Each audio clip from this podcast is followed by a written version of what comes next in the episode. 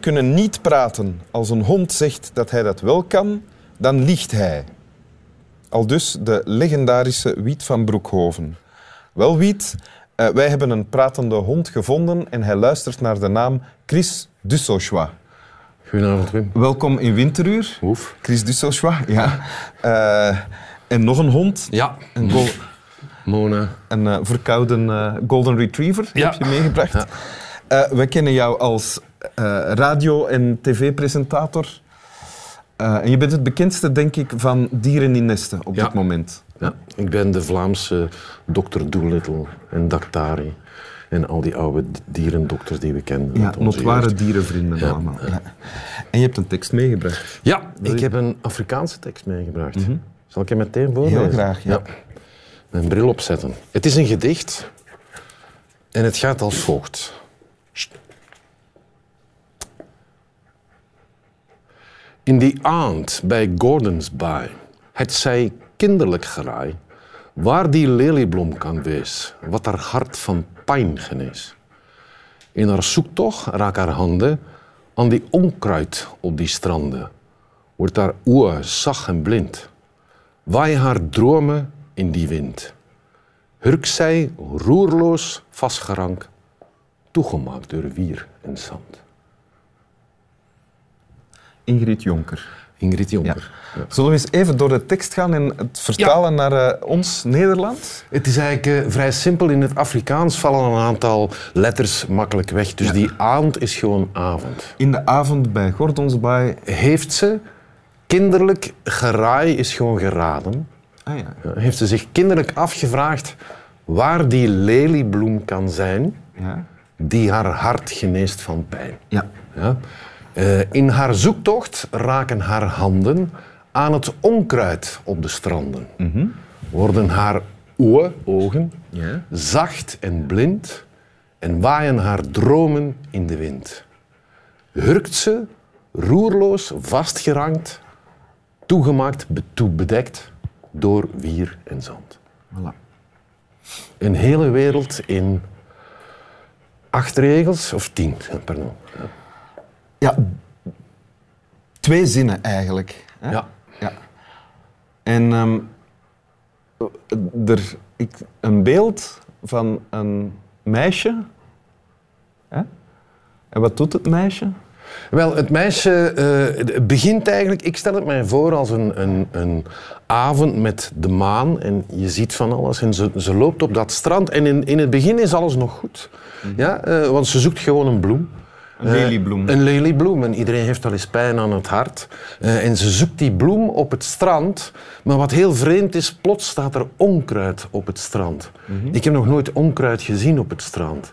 Dus dat is al een beetje een voorbode van wat er misschien staat aan te komen. En dan is het... Haar, handen vinden geen leliebloem, maar vinden in de plaats daarvan onkruid. Ja, Ja? en eh, het is ook niet erg. Het is, het is bijna zacht wat er daarna komt. Haar ogen worden zacht en blind.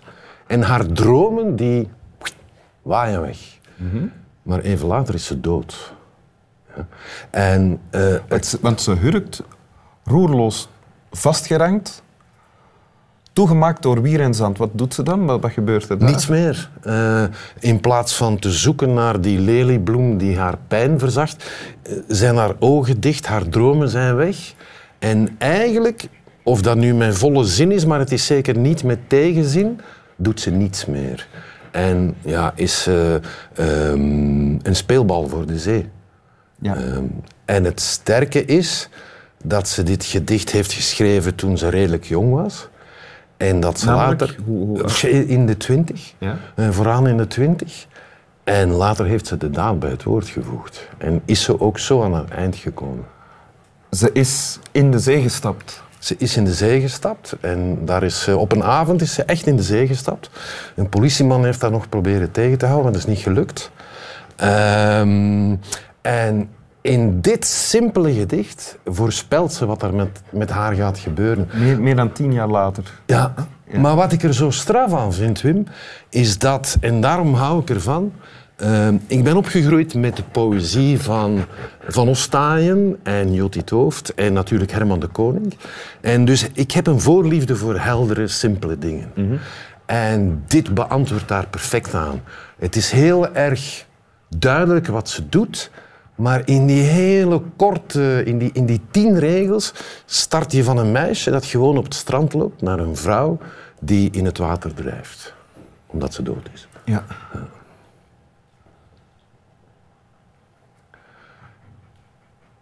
En het, het mooie eraan is, is, ook wat er niet staat. Want wat gaat er allemaal door haar hoofd heen tussen de periode waarop ze nog op het strand loopt naar een oplossing te zoeken en het moment waarop ze denkt van ik heb geen oplossing meer nodig, laat het maar. De oplossing is dat het gedaan is. Ja, want eh, wat haar hart van pijn geneest, welke pijn is dat dan? En blijkbaar vindt ze niks dat die pijn kan genezen. Het zal zoals elke pijn, eh, of elke pijn die belangrijk is in een mensenleven te maken hebben met de liefde. En als we naar haar eh, eh, biografie kijken, dan is het eh, ehm, zo'n mens die heel intensief wil houden van iemand. En ze heeft ook obsessief van twee mannen gehouden. De een wees haar af eh, terwijl ze hem wou en de ander wou haar terwijl ze hem eigenlijk niet wou. Ehm, en ze heeft lang, lang van een kind gedroomd. Ze heeft een ongelukkige jeugd gehad. Haar moeder is te vroeg gestorven. Haar vader, die voor de regering werkte, heeft haar en haar gedichten v- volstrekt afgewezen Haar vader was minister van censuur. minister van censuur, Ja. stel je voor. Ja. En die vond daar eh, gedichten eh, helemaal niks.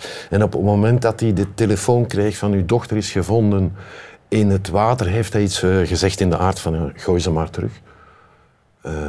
Dus ja, dat is een tragisch figuur. Ja.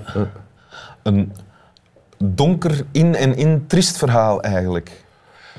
Ja, maar tegelijkertijd, wat ik daar zo mooi aan vind, dit is geen eh, zelfmoord. eh, het is geen zelfmoord wa- waar het bloed vanaf spat.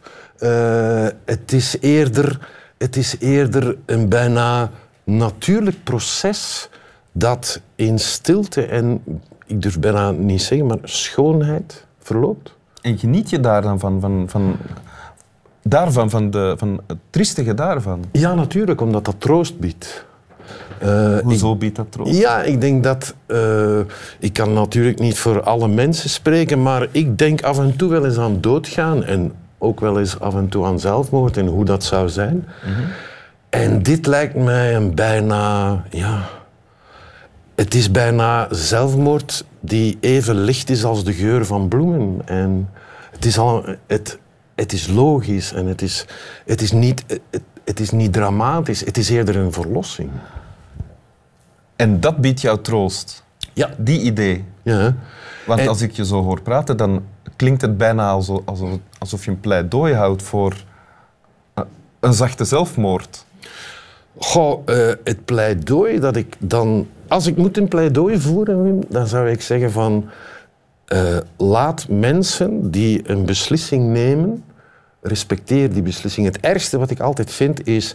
eh, wanneer je iets hoort over iemand die zich van het leven heeft benomen, wanneer mensen dan zeggen, oh, egoïst.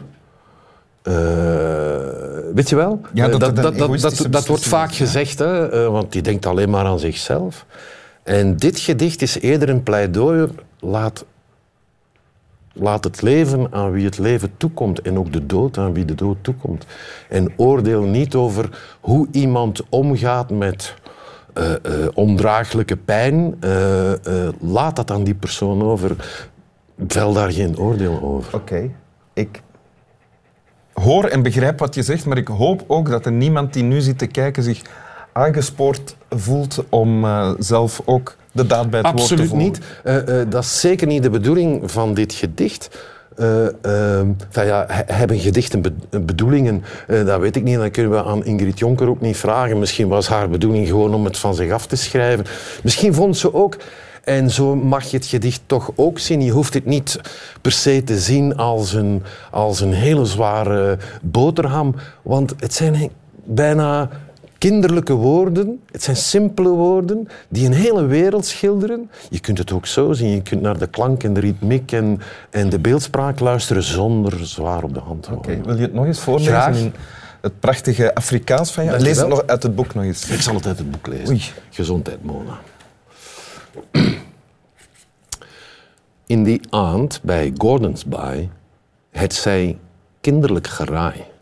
Waar die leliebloem kan wees, wat haar hart van pijn genees. In haar zoektocht raak haar handen aan die onkruid op die stranden. Wordt haar oor zacht en blind. Waai haar dromen in die wind. Hurk zij roerloos vastgerank, toegemaakt door wier en zand. Dank u. Alsjeblieft. Slaap wel. Niet dom doen, hè.